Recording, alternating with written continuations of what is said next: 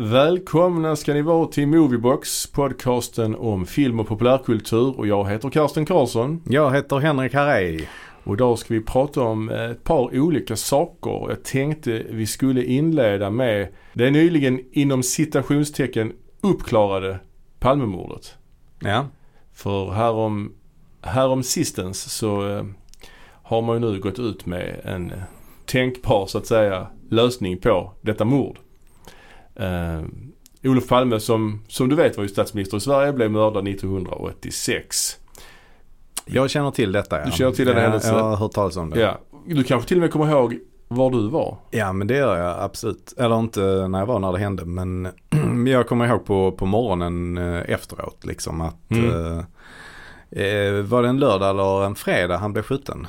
Det var i alla fall något av det för ja. jag ville upp och kolla på eh, Det var en fredag? Det var en fredag precis. Så på lördagen där så brukade de visa något på tv som jag eh, brukade titta på. Det var någon slags barnprogram. Ja det var Godmorgon Sverige, Hacke Hackspett. Var det Det är mm. väl eh, liksom gängse, vad heter det? det är väl det narrativet som man hör hela tiden. Ja, ja. Det tecknade Hacke Hackspett var inställt mm. på grund av mm. Palmemordet. Och det var många Mm. barn besvikna för. Vi ska säga det att vi båda var ju bara åtta år när detta hände. Mm. Så våra minnen är inte jätteskarpa. Nej, Vi har också alibi. ja det har vi. Ja, jag, jag kommer ihåg. Jag, Kände, kände du dig anklagad nu? För? Ja, så vad var du egentligen när det hände? Nej, men jag, jag var i, vi hade en sommarstuga i Österlen, Brösarp. Ja. Så eh, då vaknade vi på morgonen av någon, någon eh, bekant från Stockholm ringde och berättade. För detta hände ju eh, sent på kvällen och de gick ju ut med det på morgonen sen. Så att jag minns detta och jag minns, jag minns att man hade tyst minut i skolan också. Mm. Jag har också någonstans i mitt minne när vi hade den här tysta minuten att bilarna på gatan utanför stannade också. Mhm. Trafiken stannade. Kan detta stämma? Alltså jag vet inte. Det, jag har inget minne av det i alla fall.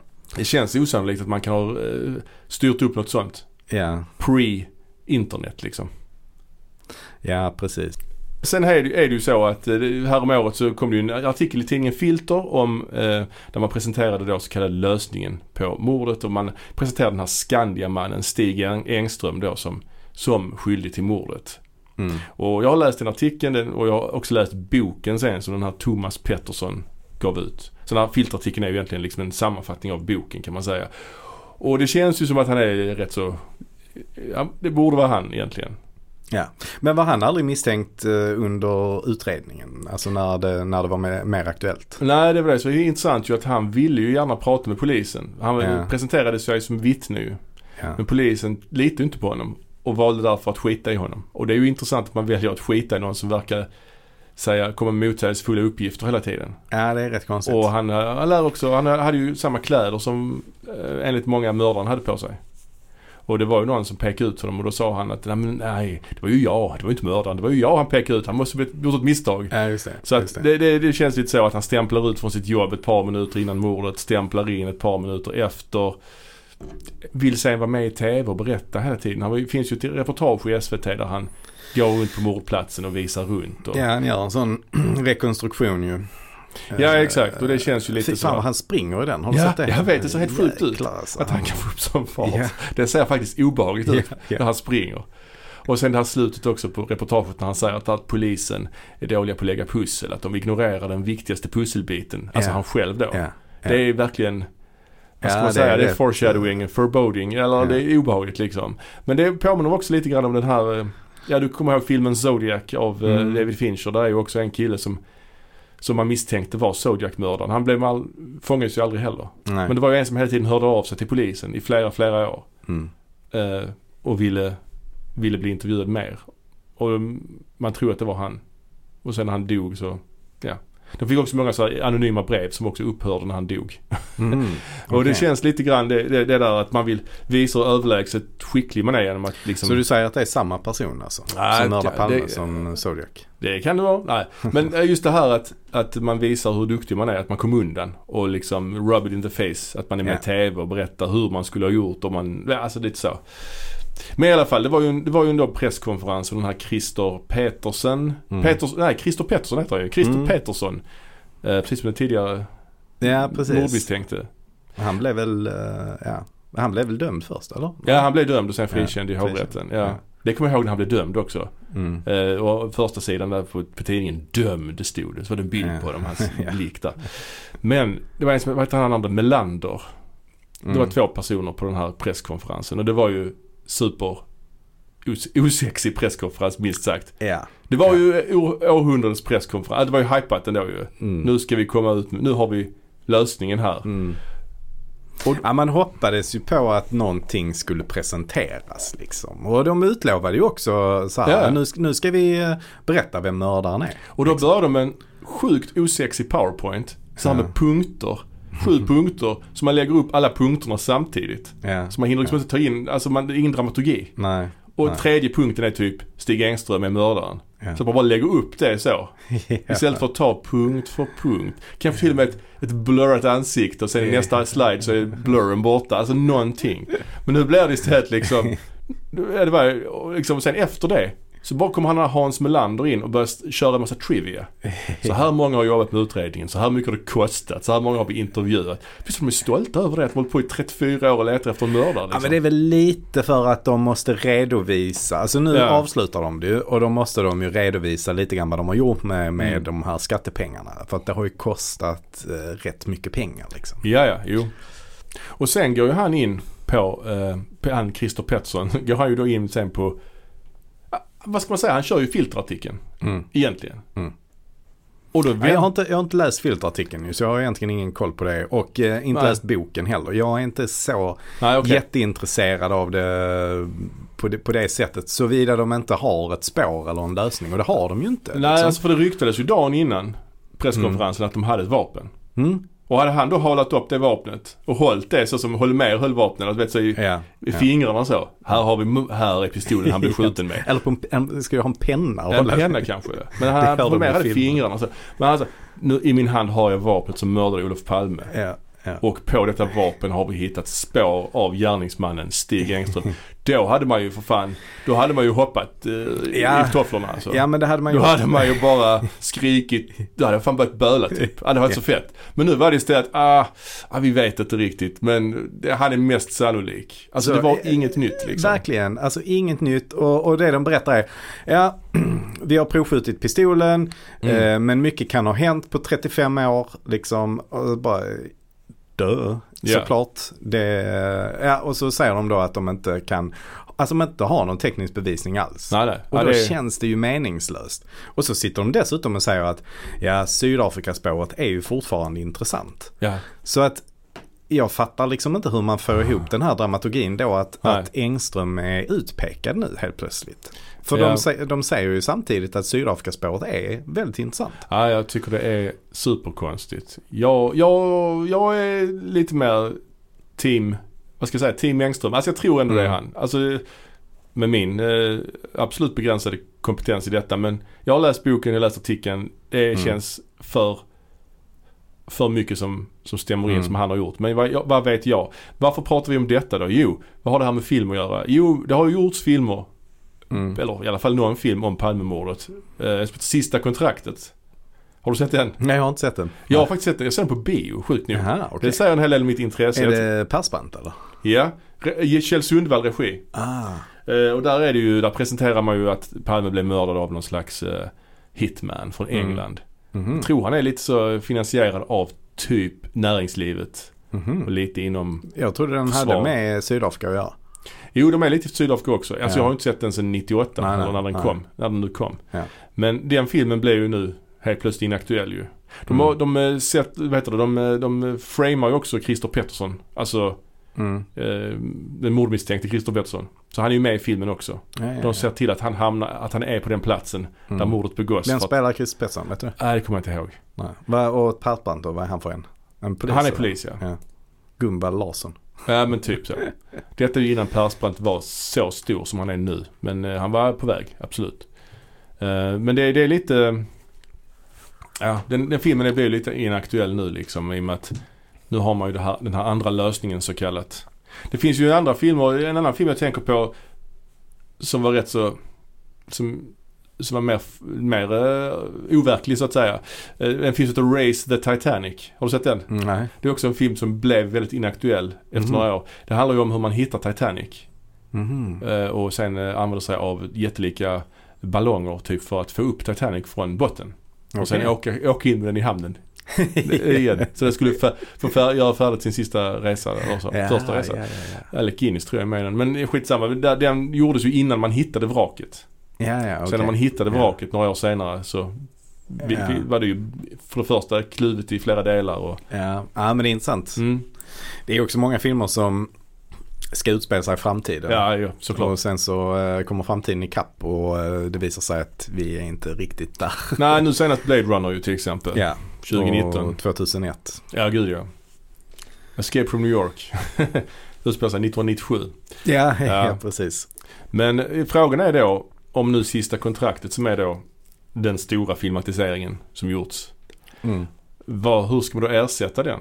Alltså hur filmatiserar vi den här nya, det här nya scenariot? Mm. Man kan ju då göra en film om eh,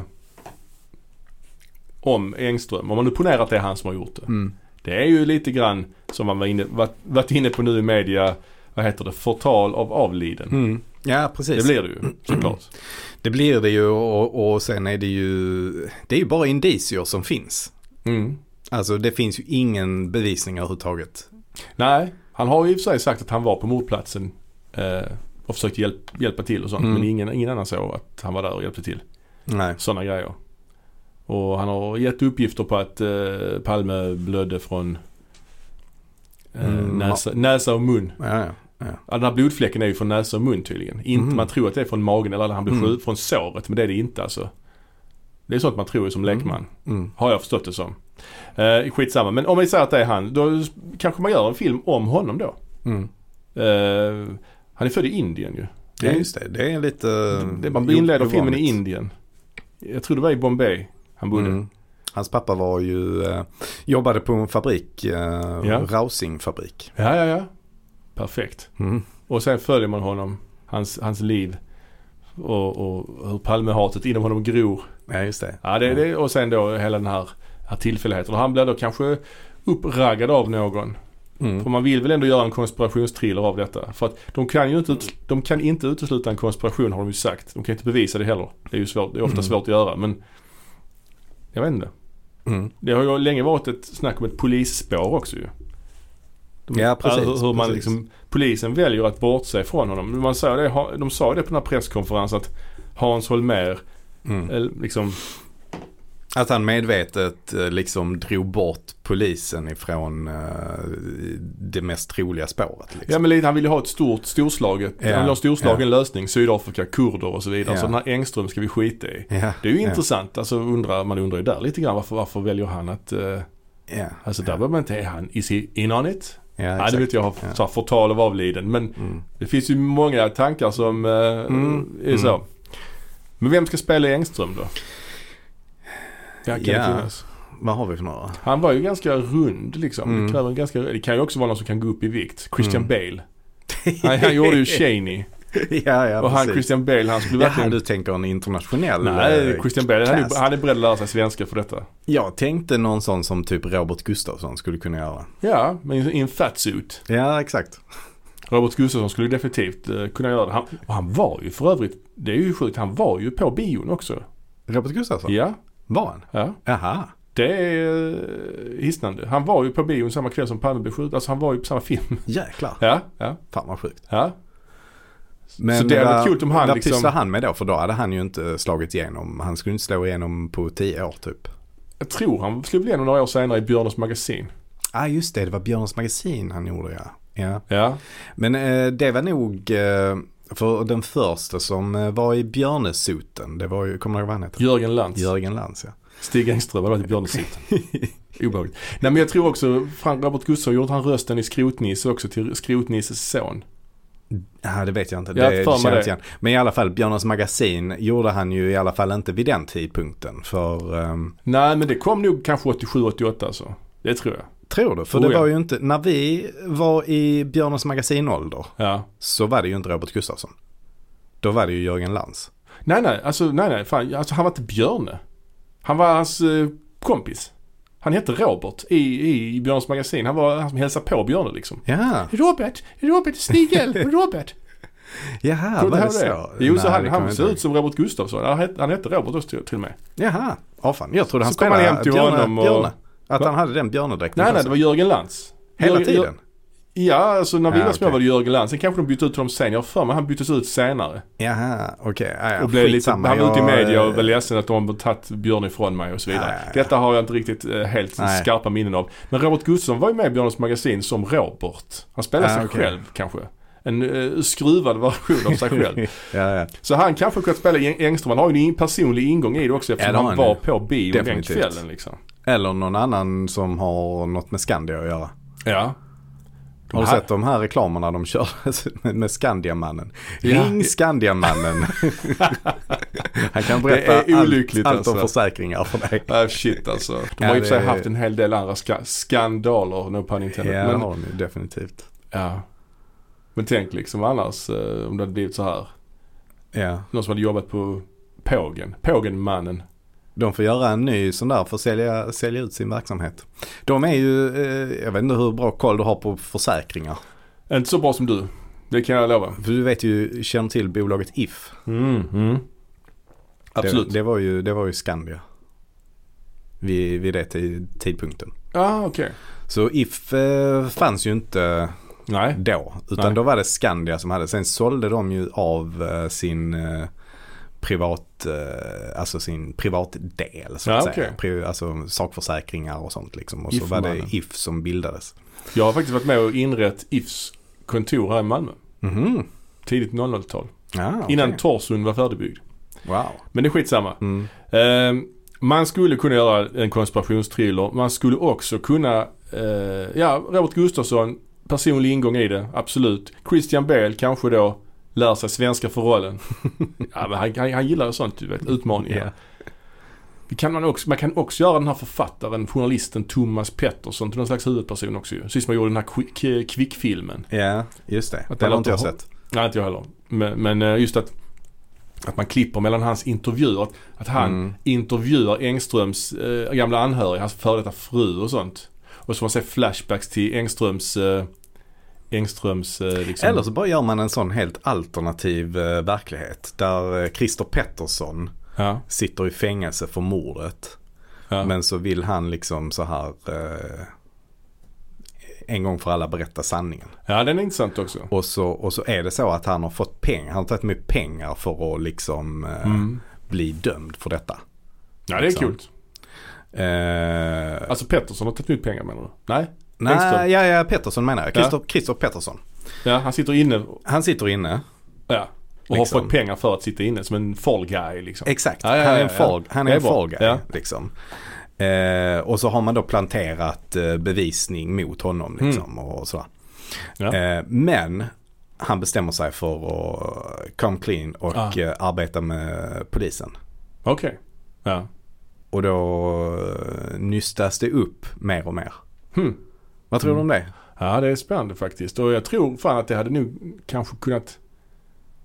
Ja.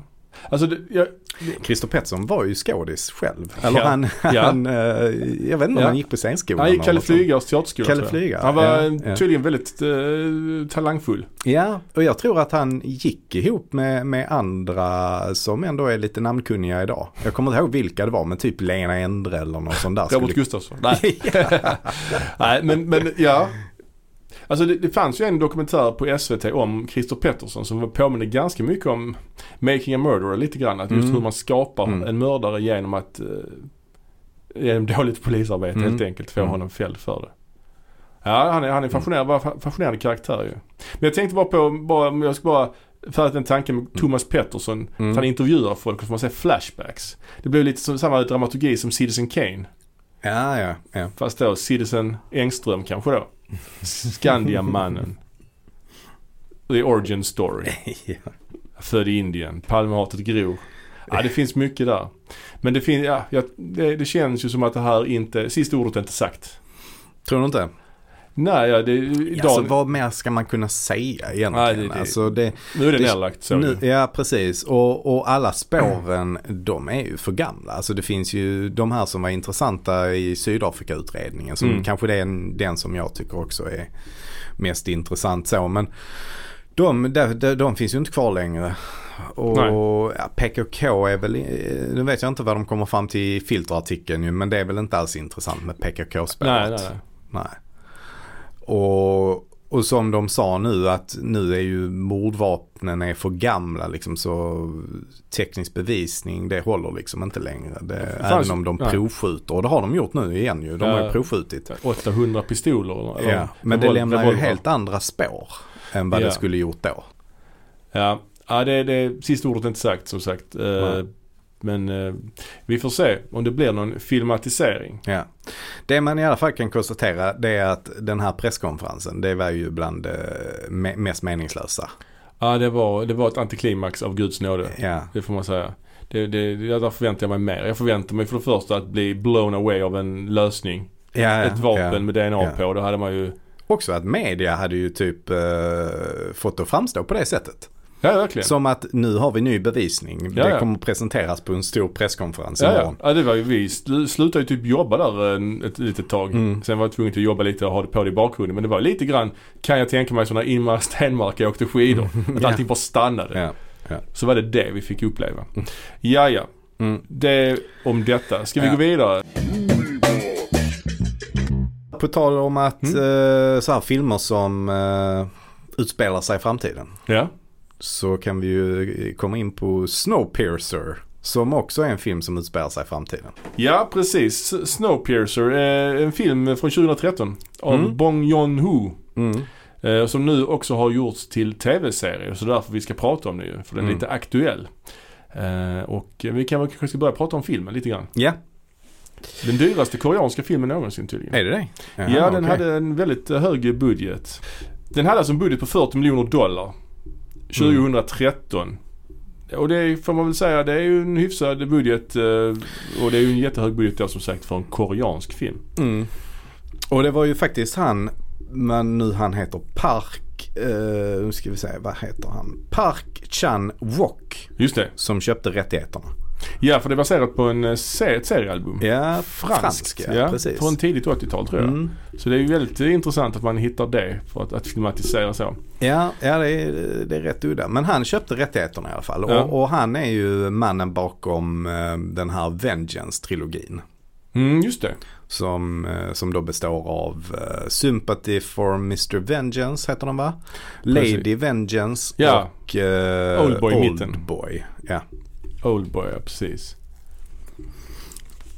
Så att han köper rättigheterna och, och sen så eh, eh, låter han då, eh, alltså han producerar eller är med i förproduktionen i alla fall. Men sen är det ju då Bong Joon-Ho som, eh, som gör den. Och, och Bong Joon-Ho han är väl eh, inte så himla etablerad vid det här laget. Han har gjort eh, The Host. Ja, precis. Han, har ju, han är ju, han är ju koreansk regissör som sagt och han, han har ju gjort eh, eh, Tidigare har han gjort ett par filmer. Han har gjort en som heter Barking Dogs Never Bite och sen framförallt Memories of Murder i 2003.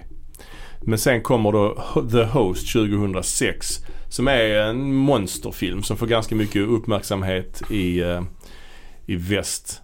Mm. Och den är väldigt bra. Det är ju det här typiska liksom, han har ju en speciell stil. Mm. Alltså ganska komisk, komiska karaktärer ofta.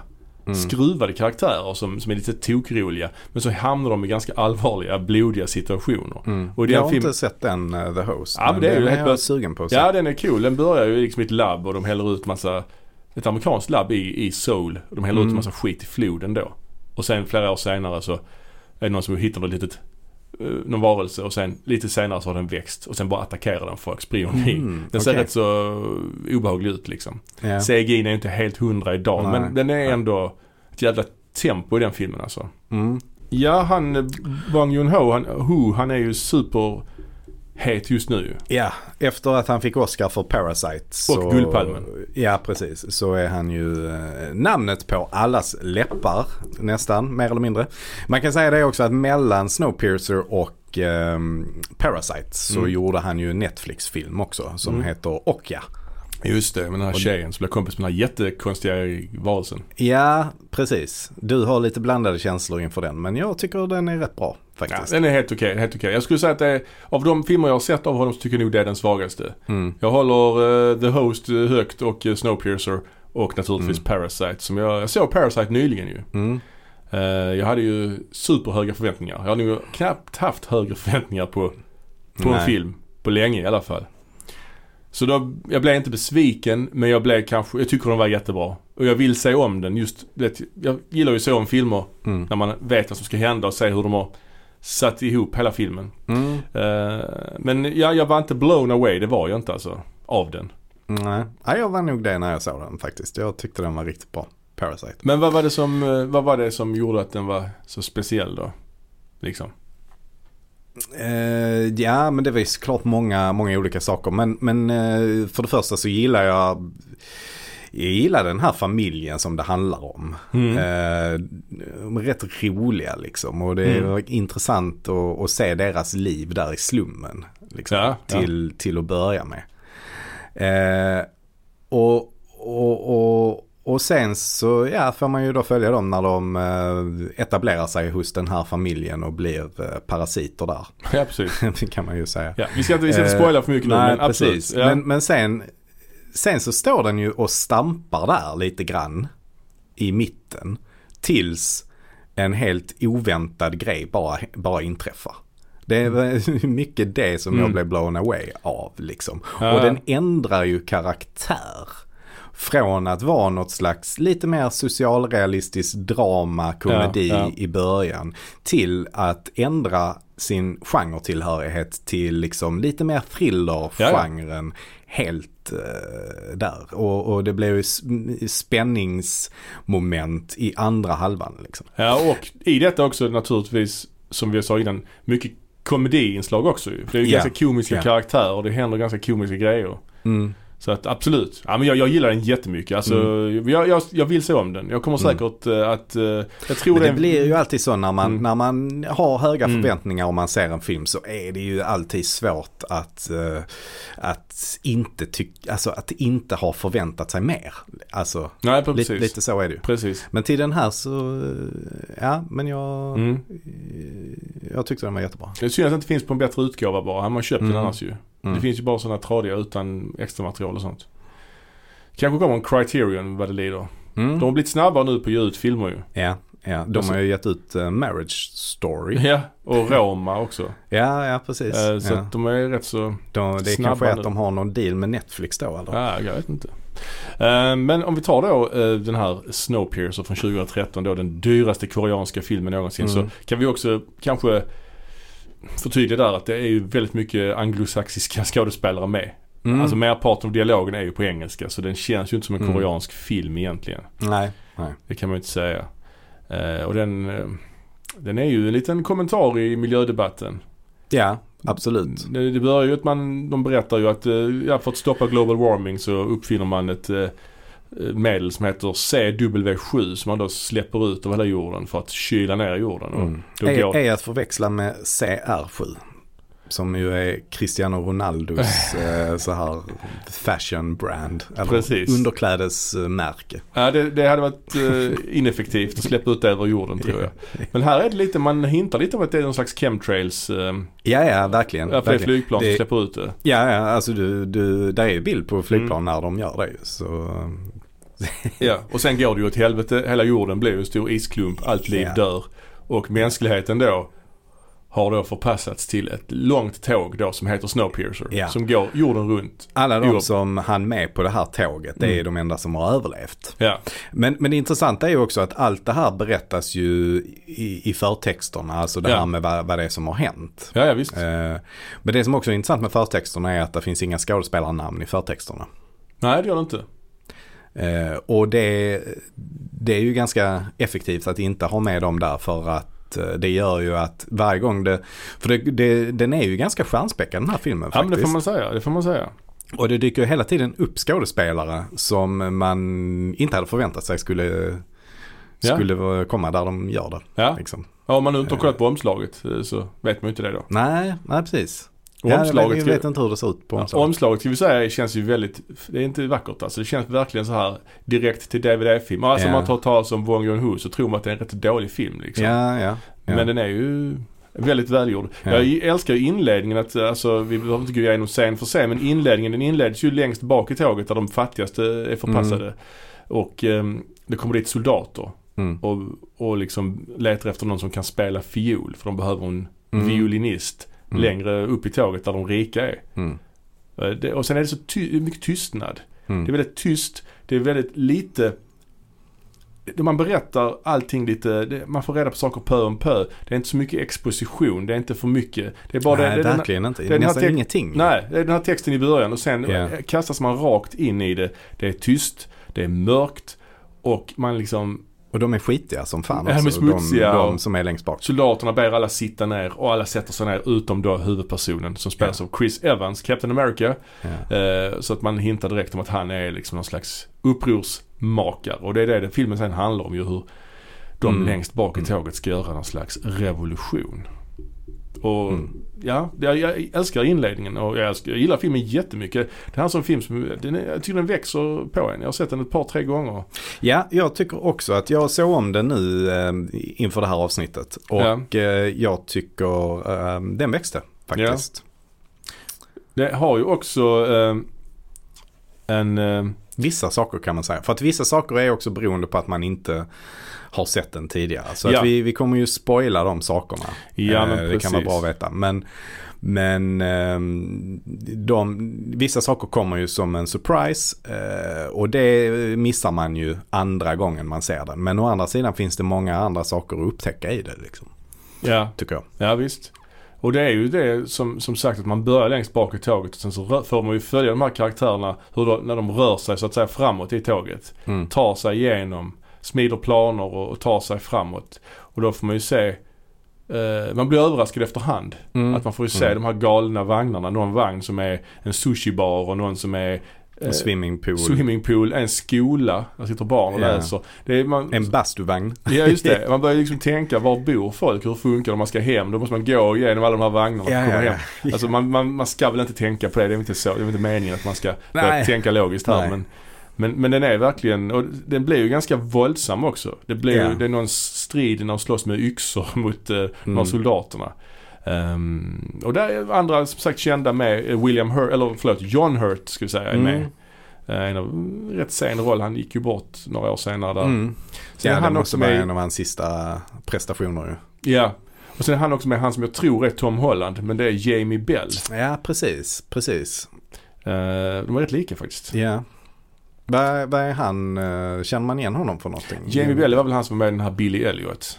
Aha, det är han. Ja, Okej. och, och han spelar också Tintin i den här Spielberg Tintin-filmen. Okej. Ja. Men är inte han animerad där i den? Jo, men det är ju som motion capture och så vidare. Ja. Men man ser väl inte att det är han på Ja, ansiktet? lite kanske. Ja, okej. Lite. Ja. Man hör att det är han också. Ja. Eller, alltså så. Men eh, ja, och sen är ju naturligtvis Tilda Swinton är med. Och ja. hon spelar ju riktigt bra också. Hon är ju väldigt, hon är ju kul alltså. Mm. Hon spelar ju någon slags talesperson för den här Mr. eh, vad heter han? Willard? Wilford. Wilford, Mr. Wilford ja, som är då, Spelas av Ed Harris. ja. Och han får vi se senare ju. Ja. Men, men just hon ser väldigt skruvad ut med stora tänder och glasögon. Mm. Mm. Ja, det, det, Och så Alison Pill då som dyker Mm. upp i en eh, roll som en lärarinna i den här uh, Ja. klassrumsscenen. och Octavia Spencer är också med. Ja, ja. Så det, är- ja, det är riktigt många Mm, intressanta mm. namn alltså. Verkligen. Ja det är det. Bra Eh. Alison Pill kanske inte riktigt är household. Nej. Men, eh, men hon, alltså man känner igen henne. Hon har ju varit med i den här eh, Newsroom-serien. Ah, ja, ja. eh, som gick i några säsonger på HBO. Ja. Ehm, och eh, då nu senast så var hon ju med i Devs också. Mm, just det, just det. I, I den här filmen så finns det ju tydliga spår av andra kända filmmakare. Inte minst eh, Terry Gilliam tänker jag. Mm, Tim Burton verkligen. kanske och Mm. även Jean-Pierre Jeunet. Just ja, på här ja, liksom. precis. Ja. Alltså det här med ja. små barn som klättrar omkring bland en Mm. massa maskin och, och, och jobbar med tåget och just Mm. det här skruvade arkitekturen och interiörerna och Tilda Swinton Mm. känns ju väldigt så här Tim Burton, Terry Gilliam karaktär på Ja, något sätt. ja. ja, men absolut. Alltså hennes karaktär är ju, ja hon spelar ju då um, Wilfords Wilford är ju då han som kör tåget liksom och som Ja. äger tåget och Ja. som har skapat tåget och järnvägen och allt sånt som den. Ja. Och det här tåget då det, det har ju en evighetsmotor så det kan fortsätta köra i all evighet.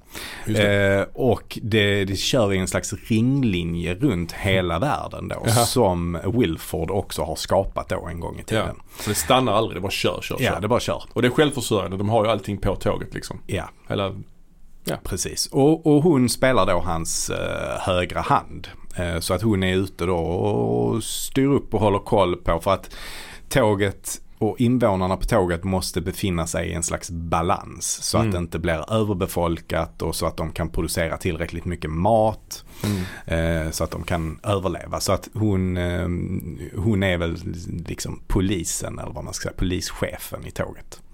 Mer eller mindre. Och eh, är hans språkrör då. Ja, han visar sig ju aldrig utanför, utanför den här kabinen där han sitter i, alltså Nej. loket. Nej, exakt. Ehm, men hon spelar ju eh, det är ju inget naturalistiskt spel direkt i den här filmen utan allting är lite överdrivet liksom. Förutom kanske huvudpersonen Chris Evans, han är ju ganska nedtonad. Ja det är han. Men alla andra är ju väldigt, alltså Precis, precis. stora, stora gester. Ja, ja det är det. Ja. Eh, så att hon gör ju verkligen en, en karaktär av det som, det känns ju inte helt verkligt och inte helt trovärdigt heller liksom. Nej. Men är man inne i illusionen så funkar det ju bra. Verkligen. Eh, och det ser man ju också på hur hon har spökat ut sig med Mm. löständer och de här stora glasögonen och hennes maner och Ja, sättet ja, ja. hon pratar på. Liksom. Ja, verkligen. Ehm, Ja, ja. Men väldigt många fina citat. Bland Mm. annat så säger hon, hon har ju ett tal där för att kväsa den här revolutionen som har startat liksom. Ja. Eh, det gör hon ju ganska tidigt där. Eller det som händer tidigt i filmen är ju att de de eh, behöver barn till någonting så de tar ju de barnen som kommer från den fattiga delen och de vet inte vad som händer med de här barnen. liksom. Det. Men hon ska då hämta in ett sånt barn. Och eh, då är det då Octavia Spencers barn då i filmen som, som de tar och då är det någon som försöker förhindra detta liksom. Men, men de kväser ju detta liksom och bestraffar den här. Mm. Eh, och det gör de ju genom då att sätta eh, fast någon slags eh, metallring runt hans arm och så sätter de armen då så att den är utanför tåget och det är ju jättekallt ute. Ja. Så att armen förfryser ju. Ja, just det. Eh, Och då blir han av med armen på det sättet. Så Ja, just det. blir ju straffet. Och vad var citatet? Ja men citatet är ju att hon gör ju någon slags liknelse då med tåget som en människokropp. Där då loket och de första delarna är, är hatten. Medan då det här släpet längst bak det är skorna. Mm. Så då säger hon ju då att man måste behålla den här balansen. Jag är hatten Mm. och ni är skorna. Och så säger hon be the shoe. Just det. Man kan inte ha en sko på huvudet. sätter hon, nej exakt, och så visar hon ju det. Hon sätter en sko där på han, eh, hans huvud. Ja, just det. Han som blev av med armen. Ja, ja. Ja. Det är ju Eh, lite kul. Ja, jag vet inte, har du någon annan scen du gillar? Alltså jag, jag gillar ju när de är i den här eh, skolsalen också. Mm. När de här lärarinnan berättar för barnen om, om hur de ska hy- hylla den här Wilford och, Ja, och sen alltså propagandafilm och sånt. det är riktigt så religiös Ja, stämning. exakt. Och det finns ju någon sån fan theory också om den här. Att, eh, Ja. att det är en koppling mellan den här filmen och Kalle och chokladfabriken. Att Wilford är Willy Wonka. De har ju samma logga, det här W. Mm, Det finns, det. finns en massa på YouTube om det. Ja, Mm. det behöver vi inte gå in på nu. Men den scenen är cool. Det är också, det är också coolt när de då har de planerar ju ett slags bakhåll där i det klassrummet. Mm. Eh, så hon, Alison Pill, hon bara drar ju upp en pistol där. Just det. Eh, från ingenstans. Liksom. Det, det blev man också lite så, wow, vad hände där? Nej, sen så tror jag nog också att det är Chris Evans. När han väljer ju rätt så intressanta roller ju. Alltså förutom då Captain America. Ja. Så har han Human Torch också. Nej, det vet jag kanske. ja men det är ju den. Men, men, eh, men den här skiljer sig ju rätt mycket från Captain America kan man ju säga. Han Ja. är ju väldigt mörk i den här filmen. Ja, verkligen. Ja, detta är en creddy eh, roll så att säga. Han är också med i den här Sunshine, eh, Danny Boyles sci-fi film. Mm. Sen är han med i någon serie nu som jag inte vet vad den heter riktigt. Tror jag. Ja, skitsamma. Och så har han ju en eh, betydande roll också i Knives Out. Ja, just det. Just det. Eh, sen hade den här filmen ju lite problem med eh, distributionen. Ja, det var Weinstein som var där och fibblade va? Ja, det blev ju ett riktigt haveri får man ju Mhm. säga. Alltså Harvey Weinstein då, han, eh, ja, The Weinstein Company, de, de köpte ju distributionsrättigheterna Ja. eh, för att distribuera den på bio i USA. Eh, men då krävde Harvey att eh, man skulle klippa om den och eh, förtydliga den med en voiceover i början och voiceover i slutet och lite ja. sånt. Eh, även klippa bort en del, en del scener tror jag. Hmm.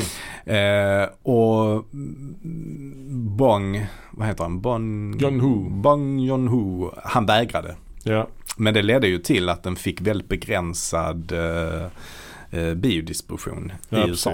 Ja. Så att de, de kom inte överens där alls.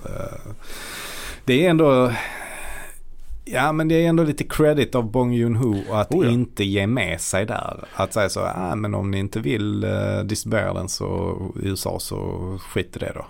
Det hade blivit så jävla dåligt med voiceover där i början. Det är Ja. just den tystnaden, så- den här ovissheten, att man får reda på saker efterhand Mm. som gör att det är så jävla bra. Hade han istället redogjort för allting, hur, så här brukar det gå till på dagarna. Först Mm. kommer de vakterna, och vi får äta detta, bla bla bla. Det hade blivit så jävla... Ja, det hade Mm. varit dåligt alltså. Tur att Weinstein inte får ha mer att säga till om nu i filmbranschen. ja.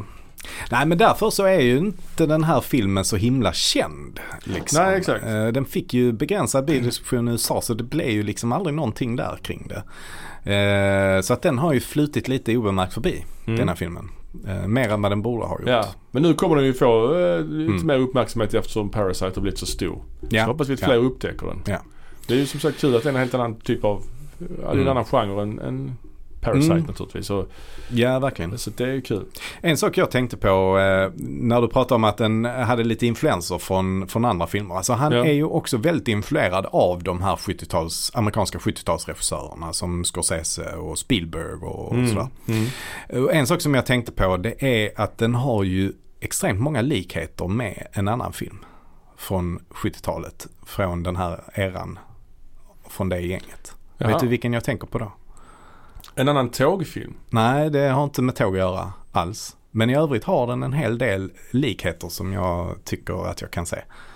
Ja, jag ger upp alltså. Apocalypse Now. Ja, ja, ja. Han ska hitta, precis, Colonel Kurtz då är han Wilford. Ja, precis. Alltså Just de det. dyker ju upp båda två i slutet och Mm. spelas av en väldigt välrenommerad skådespelare. Just det. Ehm, Chris Evans, då Curtis, han, eh, han, han spelar ju då rollen som Martin Sheen har. Ja, liksom. ja. Och det, är- det är liksom en resa genom eh, för att nå fram till. Ja. Mörkrets hjärta till så att detta. säga. Mm. Vi har ju också hela den här eh, drog, knark-grejen. För att i. Snowpiercer så är det ju mycket snack om det här. De, de, de knarkar ju något som heter Chronol. Det. Då, som är någon slags avfall från den här motorn. Liksom. Och Mm. där är ju en betydande karaktär som hjälper dem på vägen. Som är eh, liksom helt nerknarkad av detta. Ja. Som kanske är lite man kan jämföra med Dennis Hopper i Apocalypse Now. Ja, ja, ja. Mm. Ja, ja, det är sant, helt klart. Vad tror du? Tror du Ja, att han ja. har haft eh, Apocalypse Now lite som en förebild och tänkt vad händer om man gör en science fiction version av, Mm. eh, alltså en sci-fi actionfilm av Apocalypse Now? Liksom. Apocalypse Now på ett tåg. Ja, Ja. Det är en bra hisspitch. ja, ja. Apocalypse Now. On a train. ja precis. Ja. ja. Den här filmen har blivit aktuell idag eh, också på grund av att det numera går en eh, tv-serie på Netflix som är base- eh, baserad på filmen och också naturligtvis eh, det här seriealbumet men i primärt filmen. Alltså tv-serien Snowpiercer då. Där man då eh, har behållit grundstoryn egentligen. Det är ju det här tåget då som heter Snowpiercer som åker runt, runt. Eh, och det är Wilford som äger det. Men man har en annan approach här i storyn kan man säga. Dels så berättar man ju då att tåget består av 1001 vagnar. Att man liksom definierar hur långt tåget är. Mm. Det är ju väldigt långt tåg naturligtvis. Mm, alltså det är extremt super, långt, ja. superlångt. det. Mm. Men också i den här filmen eh, är det ju så att man har flashbacks till tiden innan Mm. tåget. Alltså det känns som att i se- tv-serien så har tåget inte funnits lika länge som det har i filmen. Nej, det, har, det är bara sju år ju. I filmen Ja. har det funnits i 17 tror jag. Ja, så är det eh, Och i den här filmen, i, i serien menar jag, så, så är det ju istället så att det begås ett mord på tåget. Mm. Det första mordet Ja, någonsin. nå- någonsin. Mm. Det är en fin tradition, eh, berättartradition, mord på tåg. Det har vi sett förr, inte minst i Agatha Christies. Orientexpressen. Exakt. Mm. Men det får man också tänka på den här eh, miniserien Ascension. Har du sett den? Ja, det... Nej, jag har inte sett hela den nej, men Nej. jag har sett första avsnittet. Ja, okej. Det är en sån jag har på min uh, to see-list. Watch-list. vi kan ju bara snabbt, handla- det handlar om ett rymdskepp de skickar ut på 60-talet. Eh, Ett så kallat generationsskepp där folk ska leva och föda barn och så ska det Mm. liksom bli en värld och så ska de ska ta sig ut i rymden. Och, och där eh, begås också ett mord, första mordet någonsin på det skeppet. Den borde kolla in, den är Mm. faktiskt, eh, där är ett par riktigt bra twists i den alltså. Mm. Mm. Det är ju med Tricia Helfer. Just det, från Battlestar Galactica. Ja. Ja. Som vi ofta återkommer till den här podden. Men huvudpersonen, eller huvudrollen i den här eh, Snowpiercer-serien spelas ju av Jennifer Connelly. Som Mm. är ju någon Mm. slags, kan man säga kult, kultfigur. Är det Är hon? Nej, det skulle jag nog inte säga. Kult, varför då? Ja, men hon har haft en oerhört lång karriär ju. Hon Ja. börjar ju i liksom, Once upon a time in America, Sergio Leone-filmen. Hon Ja. är med i Argentus Phenomena. Ja. Och hon har liksom, liksom växt upp framför kameran känns det som. Ja, Hon är med absolut. i Requiem for a Dream av Men det har väl. Jodie Foster också?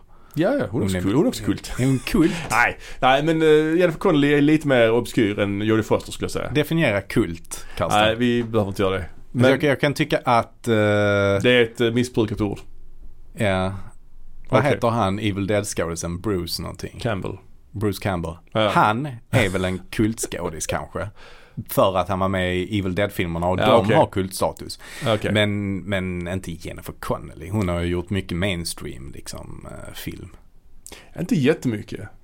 Hon är ändå lite skräckaura. När de gjorde remaken på den här Dark Water, då var det hon som spelade huvudrollen. Alltså hon har ändå liksom, Ja. hon är lite creddig där för hon har, hon har sin historia där med Argento och Leone. Ja. Alltså jag vet inte, alltid, alltid, ja hon är fascinerande. Hon är också med i den här Labyrinth, eh, Jim Henson-filmen med David Bowie. Ja. Alltså om du kollar på hennes karriär så har hon ändå eh, gjort rätt intressanta grejer. Sen vann hon ju en Oscar för den här Beautiful Mind.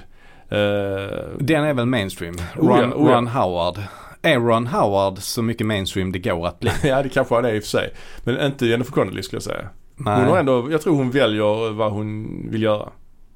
Eh, hon, Ja. hon gör inte vad som helst menar jag. Nej, men samtidigt så där på 90-talet gjorde hon ju lite sådär, alltså The Hotspot heter den va? Dennis Hopper för fan. ja men är det kult då? Ja men det är ju, finns ju en rö- röd tråd Det är fan i hennes- kult. Men det, det finns en röd tråd i det hon väljer att göra. Nej, hon gör ju bara inte. intressanta grejer, i stort sett. Förutom det här då vi ska prata om nu. Ja, kanske. Ja. Som i och för sig är intressant Ja. på pappret. Sen är det med Hulken också, Ang Lee. Ja, du ser. Du Mm. hör ju själv. Men jag kan inte gå med på att kalla henne för en Ja, kultig skådis. Okej, legend. en legend. Legendariska Hon är bara några år Nej. äldre än oss ju. Ja, precis. Nej, men jag bara skojar. Men, men hon är en eh, duktig och intressant Ja det är hon. Ja, men hon är grymt bra tycker jag. Ja, Definitivt. Veteran. Eh, mm, veteran. Jag såg henne också nyligen i en eh, film där hon spelar en uteliggare. Jaha. Som är regisserad av hennes man. Ja, det är han ja. Vad heter han nu? Engelsk eh, gubbe. Nej men han som, Ja, han är med i Marvel också. Ja, Vision. Vad fan heter Vision, han? Jag ja. glömt vad han heter. Ja. Paul Bettany. Paul. Bettany, Ja. just det. Mm. Han som också är med i Da Vinci-koden. Ja. Vet du vad deras barn heter? Ja, Stellan. Stellan. Ja, jag vet. Det finns ju någon sån, du har hört det? Nej, Ja, men han, han berättade ju det. Han, Paul Bettany berättade ju det för Stellan Skarsgård. Det var ju, var ju Ja. så att Stellan Skarsgård var väl med i tidningen den dagen hon, sonen föddes. Var det så? Så tog de det namnet. Jag tror det. Jaha. Det är så Liv Tyler heter Liv också för hon, det var ju Liv, Liv Ullman i tidningen där ju. Jaha. Ja. Okej. Och, så, så berättade han i alla fall det att ja, Mm. vår son är död, vi har döpt vår son till Stellan. För han är också med i Marvel-filmerna ju. Mm. Men det var Mm. nog innan. Och Och då sa Stellan, aha, får jag lov att komma hem och suga på din frus bröst nu då? Vilket är jävligt sjuk, jävligt sjuk grej att säga. Sådär bara.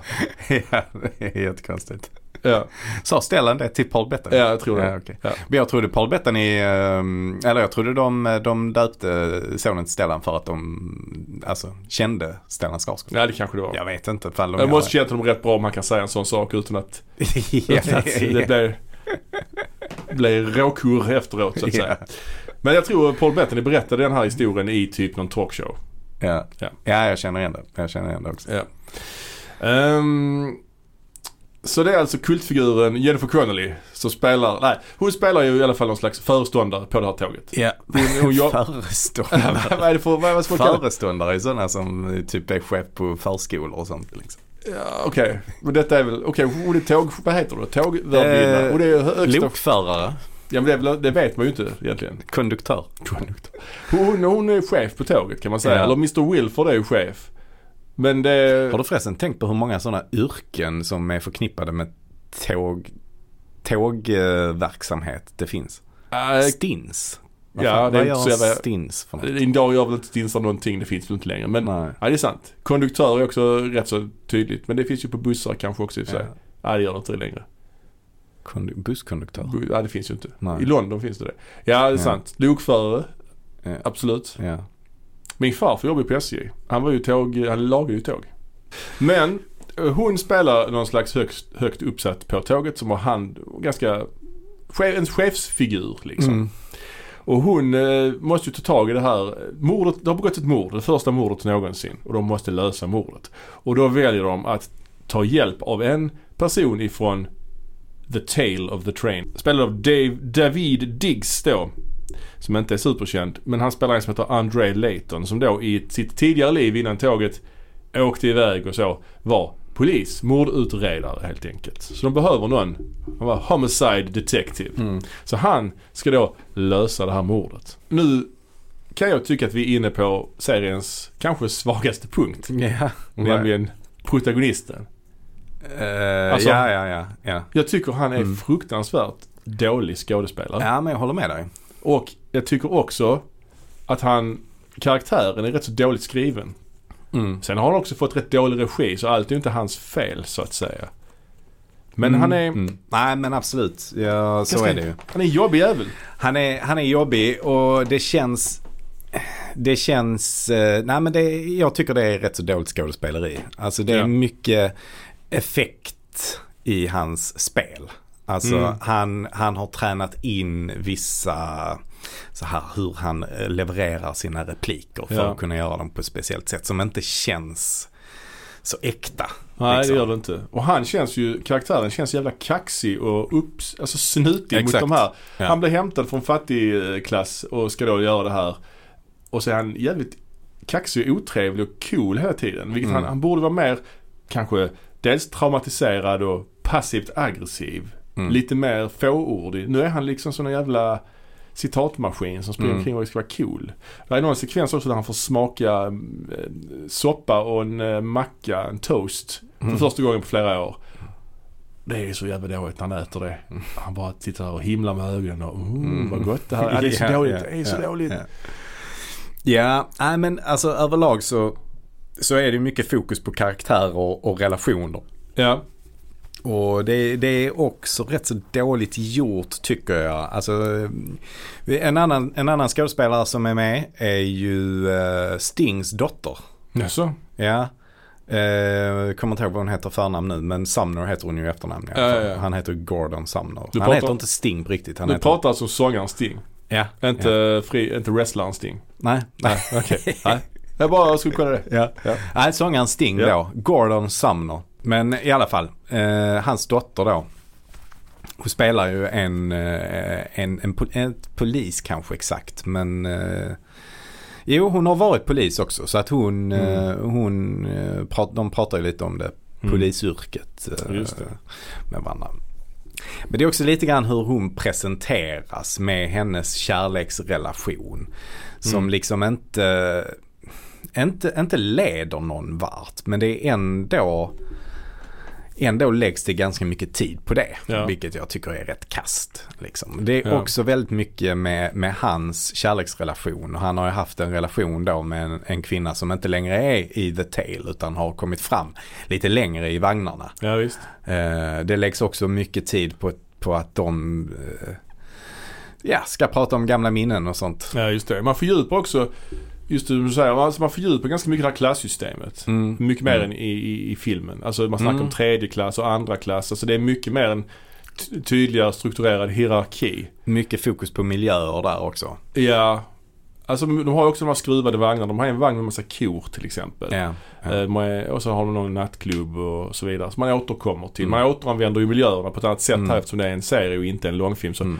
Så blir det att man återkommer hela tiden. Men det som också jag tycker är, är en nackdel i den här filmen är ju att man, i för, eller i den här tv-serien är att i filmen då så får man ju se allting ur, ur eh, de här eh, Chris Evans och hans vänners perspektiv. Mm. De fattigaste. Man är med dem hela tiden.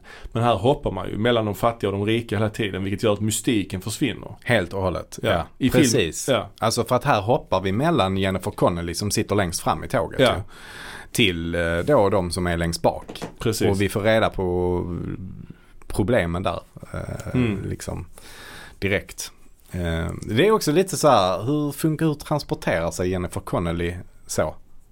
Så snabbt liksom. Mm. Mellan, för det är ändå tusen vagnar liksom. ja verkligen. Det borde Tusen ändå, en. Ja. Ja, det borde ta rätt lång tid Ah. att transportera sig från loket till längst bak. ja men de har väl någon form av sån här åk... Någon slags hiss fast horisontell okej. har jag för mig. Men Ja. hur får den plats och Mm. så vidare. Ja, jag vet Nu har det bara kommit fyra avsnitt hittills. Mm. Vi har inte sett, absolut inte sett hela. Och de har, vad jag förstått Mm. så har de förnyat den också för en andra säsong. Mm. Eh, När, vi, eh, när, detta, när ni lyssnar på detta har ju dock kommit fler avsnitt. Ja, så är det ju. Eh, då har det kommit ett till. Men, men eh, ja. Jag tycker inte den här serien är värd att se. Jag kommer inte fortsätta kolla på den alltså. Nej, jag, eh, jag, jag, jag känner det också att eh, vissa serier vill man ge, alltså de, de, de kräver några avsnitt. Mm. Och Ibland en halv säsong innan man är inne i det, innan Ja. man tycker det är bra. Ja. Men det här är ingen serie som jag tror kommer att växa för att den, den, den är helt enkelt inte tillräckligt välgjord. Nej. Och det, det är både på manusstadie, produktionsmässigt och liksom eh, regin av det. Ja, och det är den här mordhistorien. är ju- För det första är mor- mordhistorien tämligen ointressant. Ja det är den. Och huvudpersonen, eller protagonisten, han spelar väldigt dåligt och karaktären i sig är väldigt klichéartat skriven. Mm. Så att det är väldigt ointressant. Man har liksom inga sympatier. Det som hände senast, såg du, såg du det? Jag tyckte Mm. ändå det var lite intressant. Men jag tror inte det kommer att bli så himla mycket bättre. Det är Nej. för mycket fokus på den här mordhistorien och den är inte intressant som du säger. Nej.